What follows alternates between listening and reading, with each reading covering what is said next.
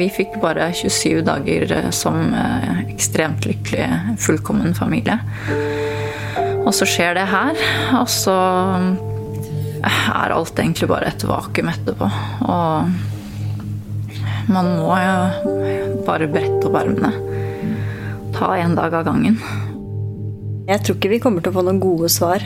Ehm, for det er helt meningsløst eh, fortsatt. Og eh, jeg har jobba veldig mye med å prøve å finne svar og prøve å forstå og prøve å finne informasjon som gir noen form for mening. Da. Ett år tilbake. 34 år gamle Christian Løvli fra Nittedal blir pappa for tredje gang 30. april. Elektrikeren får sin første sønn. Fra før av har han to jenter sammen med samboeren Siri. Familien er nå komplett med det nye familiemedlemmet. Men alt skal snu. 27 dager etter blir Christian drept, og familien hans sitter igjen med et tap det er vanskelig å bære. Dette er Krimpodden, og jeg heter Tor Erling Tømtrud.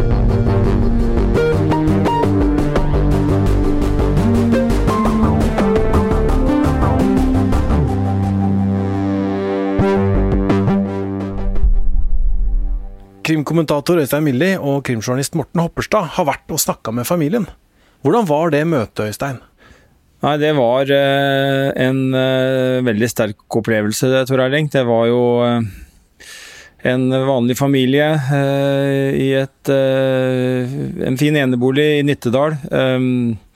Sol og vår og, fint når vi var der. Og omstendighetene er jo dypt tragiske. jeg møtte da Christian Løvlis far, uh, hans mor um, uh, og hans samboer, ikke minst, og, og, søster, som jo har lidd et stort tap, og som er i, er sorg og selvfølgelig kjenner på alle de vonde følelsene over å ha blitt utsatt for noe sånt. Og så var jo da den lille sønnen til samboerparet der som ja, som har fått uh, en måneds tid med pappaen sin, uh, før han da ble brutalt drept.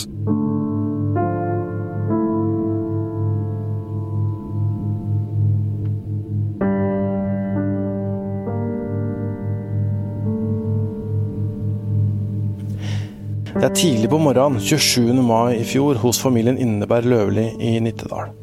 Småbarnsfamilien gjør seg klar for å få de to eldste barna sine i barnehagen og på skolen. Christian er elektriker og reiser derfor tidlig av gårde på jobb. Samboeren Siri forteller om en helt vanlig morgen. Mm, altså, Christian begynner vanligvis på jobb eh, tidlig på morgenen klokken syv. Så eh, moren hans eh, kom eh, eh, før sju for å hjelpe til med levering av de to eldste. Jeg var jo hjemme i barselpermisjon eh, med nyfødt. Eh, og ti over sju så kom jeg ned trappa eh, med han minste på armen. Og sier ha det til Kristian i gangen. Og det var det. Denne morgenen oppsøker en mann Løvlis familiebedrift, som ligger kun 500 meter fra eneboligen deres. Men verken faren til Kristian eller Kristian sjøl har kommet dit ennå. Mannen er kjent for dem begge. Han leier et hus av dem som ligger på nabotomta til bedriften. Her har mannen i 40-åra bodd sammen med familien sin i under et halvt år. Til VG så sier faren til Christian at de fikk nøklene rett før jul og betalte den første husleien i januar. Men de betalte aldri inn depositumet og kun én husleie til. Så jeg hadde en del dialog med han om det, sier faren til Christian i dag.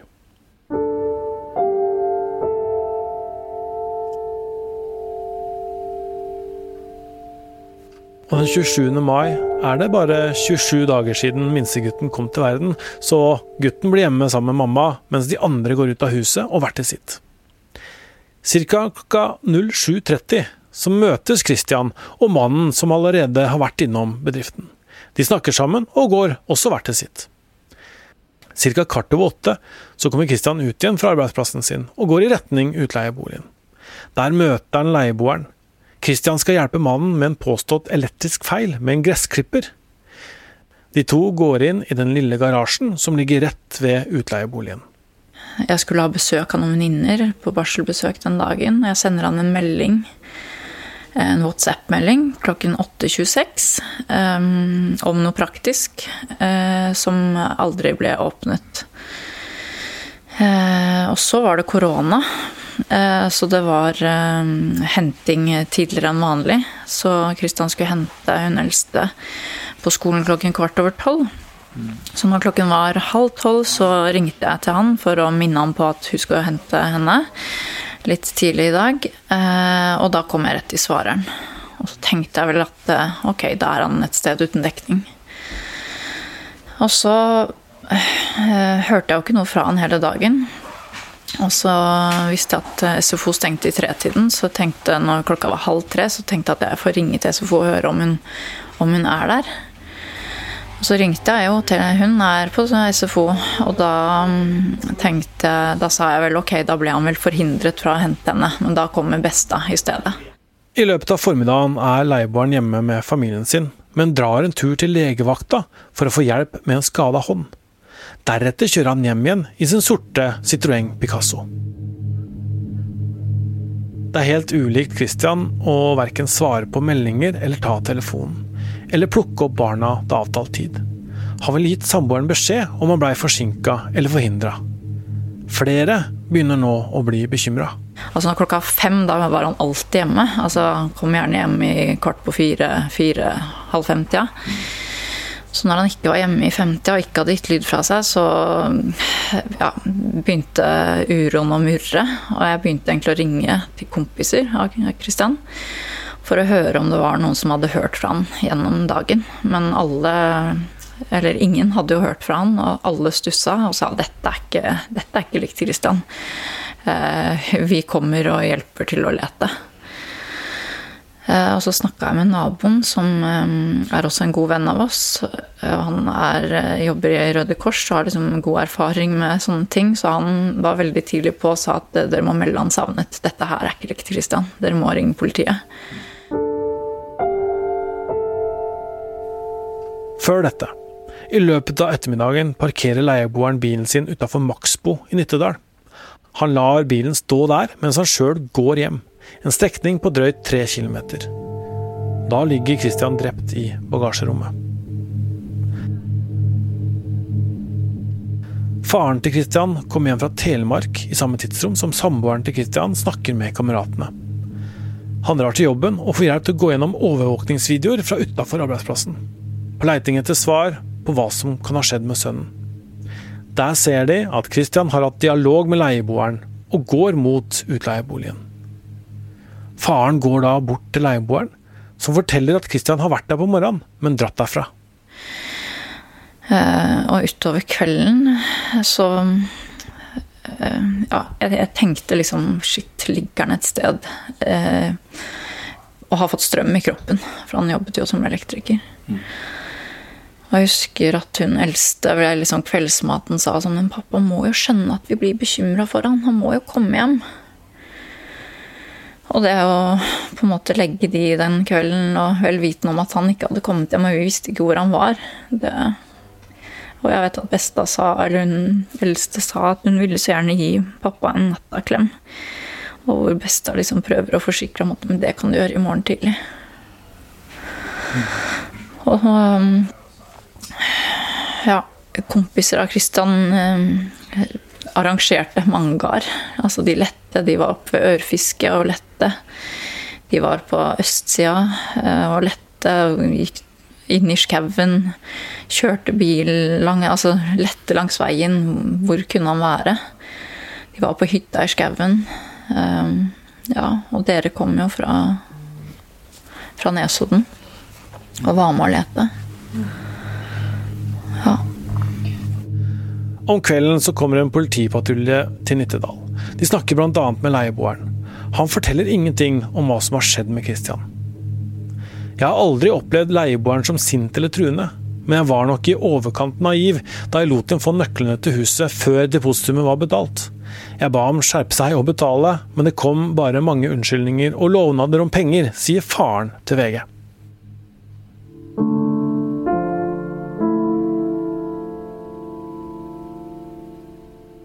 Samboeren Siri er helt sikker på at det er skjedd noe med Christian. Gjennom natta så rakk jeg liksom å tenke på at eh, ok, hvis du kommer fremmed, et fremmed menneske på døra nå, så skjønner jeg at da kommer de med et dødsbudskap. Eh, og jeg rakk også å tenke på begravelse. Og så um, klokka, Altså, jeg sov jo ingenting natta. Jeg var jo altså, jeg amma minstemann. Han lå i vugga som hang i taket i stua. I løpet av natta så begynner politiets mistanke å rette seg mot leieboeren. Overvåkningsbildene fra familiebedriften som viste at Christian var i dialog med han, og gikk i retning av hjemmet hans kort tid etterpå, var noe av årsaken til mistanken. Politiet kaller derfor leieboeren inn til nytt avhør. Og nå legger han kortene på bordet og forteller hvor trebarnsfaren er. Under en halvtime seinere er politiet på plass utafor Maxbo på Nittedal, og der finner de bilen til leieboeren, den sorte Citroengen. Og i bagasjerommet ligger Christian, drept. Um, og så klokka halv seks, tror jeg det var, at um, vår fastlege ringte på døra, og da tenkte jeg Oi, du har hørt at vi savner Christian, du skal bare støtte oss i dette vanskelige vi holder på med nå. Men så kom han inn, og så satte han seg ned i den stua, og så sa han at eh, de har funnet Christian. Han er drept. Og da raste verden. Og hun eldste jenta vår satt i ja, to rom bortenfor. Og da var jeg veldig opptatt av at jeg måtte jo si det tidlig til jentene. Men hun mellomste hun sov fortsatt. Og så gikk venninnen min opp og vekket henne og fortalte at det var ganske mange mennesker her, og at de måtte komme ned. At jeg skulle fortelle dem noe fælt. At uh, pappa var død. At han, aldri, altså, han er død for alltid. Han, vi, han, kommer aldri igjen. Men jeg husker at jeg sa at han lever videre i hjertene våre, og han er oppe på himmelen.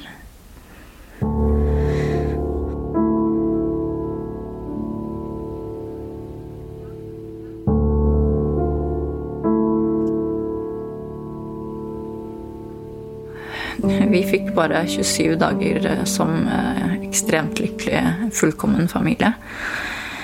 Og så skjer det her, og så eh, er alt egentlig bare et vakuum etterpå.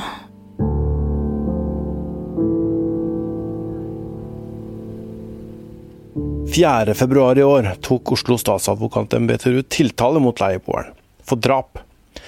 Det står Onsdag 27. mai 2020 ca. klokka 08.15 i en garasje i Nittedal stakk han leieboeren Christian Løvli 18 ganger med kniv i halsen, brystet og ryggen.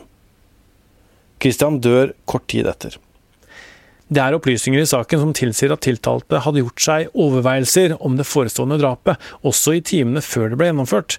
Dette vil derfor bli et sentralt tema i hovedforhandlingen, sier statsadvokat Sturla Henriksbø til VG. Dersom drapet var overlagt, så vil det få betydning for straffeutmålingen. Leieboeren erkjente altså de faktiske handlingene i sitt første politiavhør, ifølge en fengslingskjennelse fra Nedre Romerike tingrett. Forsvareren hans, Trygve Staff, sier til VG at han har erkjent straffskyld etter tiltalen, så det blir en ren tilståelsessak. Staff forteller at mannen har det helt jævlig. Han veit at dette er en tragedie, og det er ingenting som kan gjøres om på det som har skjedd.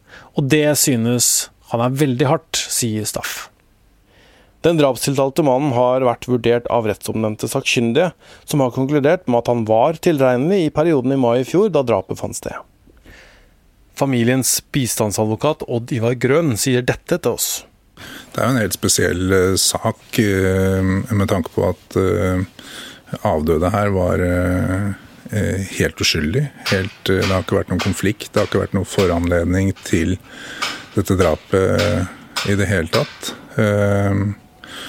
Så man sitter jo igjen med mine klienter som er mor, far, samboer, søster og tre barn, som er i sjokk, og fortsatt i sjokk. Nå har det snart gått et år.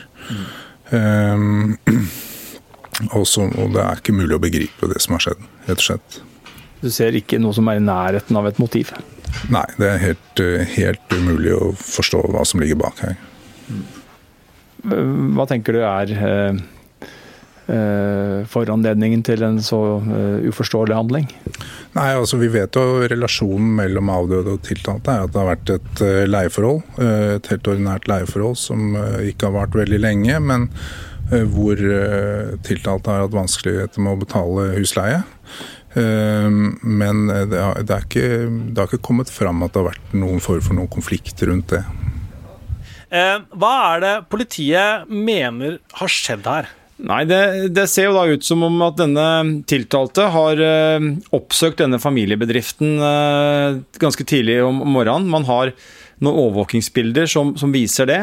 Og så ser man på et tidspunkt at eh, Christian Løvli da går i retning av denne garasjen. Eh, og så kommer han jo ikke tilbake igjen.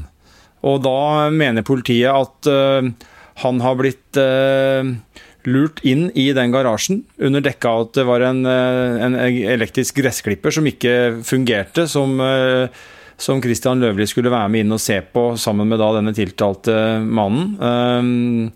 Og at han Løvli da ble drept inne i garasjen.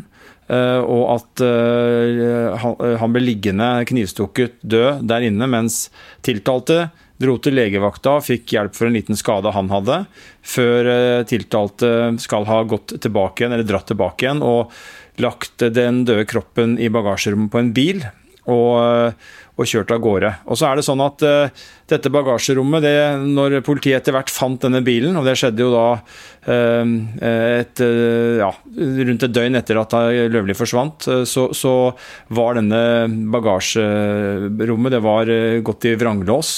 Så det er en det er en teori fra politiets side om at, uh, det, en, at det, kan ha vært en plan å, å, å på en måte kvitte seg med liket på en annen måte. Man, man ser, ser, på den muligheten, uh, men at det ikke har skjedd fordi at uh, denne bagasjerommet gikk i, i vranglås. og så, så, bilen med Christian ble jo da funnet ved Maxbo i Nittedal parkert. og det ble jo da eh, opptakten eh, til det som fra det tidspunktet var en drapsetterforskning. Og nå starter rettssaken mot mannen som er tiltalt for å ha drept Christian. Det, ikke en, det er ikke en veldig omfattende rettssak. Jeg tror det er satt av fem eller seks dager. Men det er jo da forklaringer av eh, tiltalte, selvfølgelig. Og det er forklaringer fra eh, familiemedlemmer eh, og eventuelt andre vitner. Eh, så rettssaken er jo forholdsvis Eh, eh, kort. Og det handler jo bl.a. om at eh, om at tiltalte har jo erkjent dette her, erkjent det faktiske forhold, at han har gjort det. Så det er noen, er ikke noen strid sånn sett om man har rett mann på tiltalebenken. Det kommer til å handle om en straffeutmåling her. Familien sitter igjen med mange ubesvarte spørsmål. De håper på noen svar, selv om de ikke er sikre på om de kommer. Nei, nå samler vi alt vi kan av krefter for å mobilisere mot det. Altså, jeg tenker at det blir eh, veldig tøft, men jeg har lyst til å se han. Men jeg, jeg er jo usikker på hvordan jeg kommer til å reagere. Men eh, jeg er veldig eh, sånn at jeg vil vite alt. Begge vi har vært det. Det er liksom eh, viktig å få vite detaljer. Mm vite mest mulig. Men uh, det kommer til å bli uh, jævlig tøft. Mm. Ja. Ved siden av Siri sitter Kristians storesøster Signe Maria Løvli. Uh, jeg tror ikke vi kommer til å få noen gode svar. For det er helt meningsløst fortsatt. Så vi prøver å stålsette oss så godt vi kan, og vet at det kommer til å bli veldig krevende. Jeg personlig har prøvd å tenke litt sånn at eh, det er ikke rettssaken som er det jævlige her, det er faktisk den hendelsen. Eh, så jeg føler at vi trenger den rettssaken nå. Eh, og at det blir behandla ordentlig, og at det kommer en dom. Kontakten faren og Christian hadde med leietakeren, beskriver hun slik. Eh, altså det som er viktig for eh, meg å si, det er at eh, det var ingen annen relasjon mellom denne mannen da, og min familie enn at han og familien hans leide en bolig av min families bedrift. Og det leieforholdet det starta rundt uh, nyttår. Eh, og allerede ganske raskt så viste det seg at uh, han ikke klarte å betale alt han skulle. Annet da i depositum og husleie. Eh, dialogen den, rundt det leieforholdet gikk i hovedsak mellom tiltalte og faren min. Ja. Eh, I liten grad med Christian. Mm. Eh, hvor eh, den mannen da kom med bortforklaringer, beklagelser og lovnader om at han snart skulle betale, at pengene var på vei, og bekreftelse på det. Men eh, det var da ingen konflikt eller kommunikasjon utover det som var helt vanlig i et sånt eh, type leieforhold. Faren min han ga da denne familien veldig mange sjanser. Mm. Eh, han syntes til og med litt synd på dem, og ønska å prøve å få det til. Eh, noe som eh, tiltalte da også flere ganger ga uttrykk for at han var takknemlig og glad for. Så den motsetningen da, fra det å vise takknemlighet til å drepe, det er jo noe av det som er med å gjøre dette her fullstendig uforståelig for oss. Signe Maria forteller om en bror som har satt dype spor. Hvordan vil du beskrive eh, broren din Christian? Eh, for det første så er det veldig vanskelig å si var, da, Eh, fortsatt. Uh, jeg har tenkt mye på det, for jeg har alltid tenkt at liksom søskenet er den som uh, er litt sånn rød tråd i livet. Fordi det er kanskje den lengste relasjonen man har. Um, og den som på en måte kjenner deg best, og som vet hvor du kommer fra. Uh, så det var litt det han var for meg. Uh, en som alltid var der. Og selv om han var liksom en veldig sånn lugn og rolig og stillfaren type, så var han veldig til stede. Eh, pålitelig. Diplomaten i vennegjengen. Eh, veldig snill. Eh, han var familiekjær, så vi tilbrakte mye tid både sammen med foreldrene våre og, og hverandre og familier også i voksen alder. Eh, ja, så var han veldig sånn omsorgsfull og leken sammen med barna. Eh, og veldig stolt når han ble trebarnspappa i fjor eh, i slutten av april. Mm. Eh, det er mange som har beskrevet Christian som sin beste venn. Eh, og som søster da, så har jeg faktisk ikke vært helt klar over hvor stort nettverk han faktisk hadde. Eh, både blant unger og jevnaldrende og også eldre. Fordi alle likte han. Jeg tror Christian hadde en egen evne til å se de som var rundt seg, og få folk til å føle seg vel. Og jeg er liksom først nå i etterkant at jeg har sett hvor viktig han har vært for så mange. da. Det er vanskelig å tenke på framtida, men det er viktig for dem å tenke på hva Christian ville ha ønska. Ja, hvordan overlever man? Uh, vi har jo Det har vært to ting som har uh, hjulpet oss. da. Og Det ene er jo at vi hele tiden har tenkt på hva Christian ønsker at vi skal gjøre. Uh, og vi veit jo at vi har henta opp den mange ganger og tenkt at han ønsker at vi fortsetter skal dra på hytta, han ønsker at barna skal ha det bra. Mm. Det er jo da tre hans tre barn, men også mine tre barn. Og det er ikke noe alternativ til ikke stå opp om morgenen. Da. Det er så mange små som trenger oss. Mm. Vi tar én dag av gangen, ja. men jeg tenker utrolig mye på at Kristian eh, er stolt. Jeg har lyst til å gjøre han stolt. Ja. Og så tenker jeg veldig mye på at denne gjerningsmannen har klart å ta fra de én forelder. Mm. det er viktig for meg at han ikke skal klare å ta fra de en til. Ja. Og jeg vet at eh, for Kristian så er det barna i fokus. At for mm. at de skal ha det bra, så må jeg mm. funke. Jeg kan mm. ikke legge meg ned og, og dø sjøl. Mm.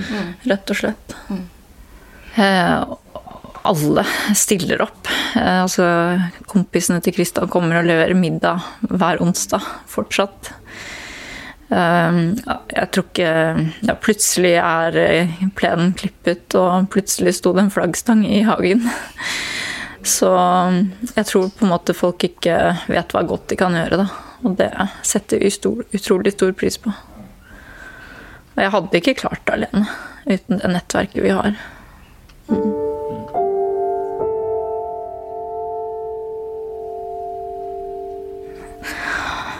Han var verdens beste.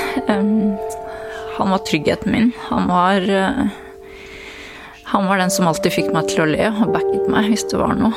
Og han eh, Ja, han var eh, min store kjærlighet. Han var den jeg skulle gifte meg med, og den jeg skulle bli gammel med. Mm.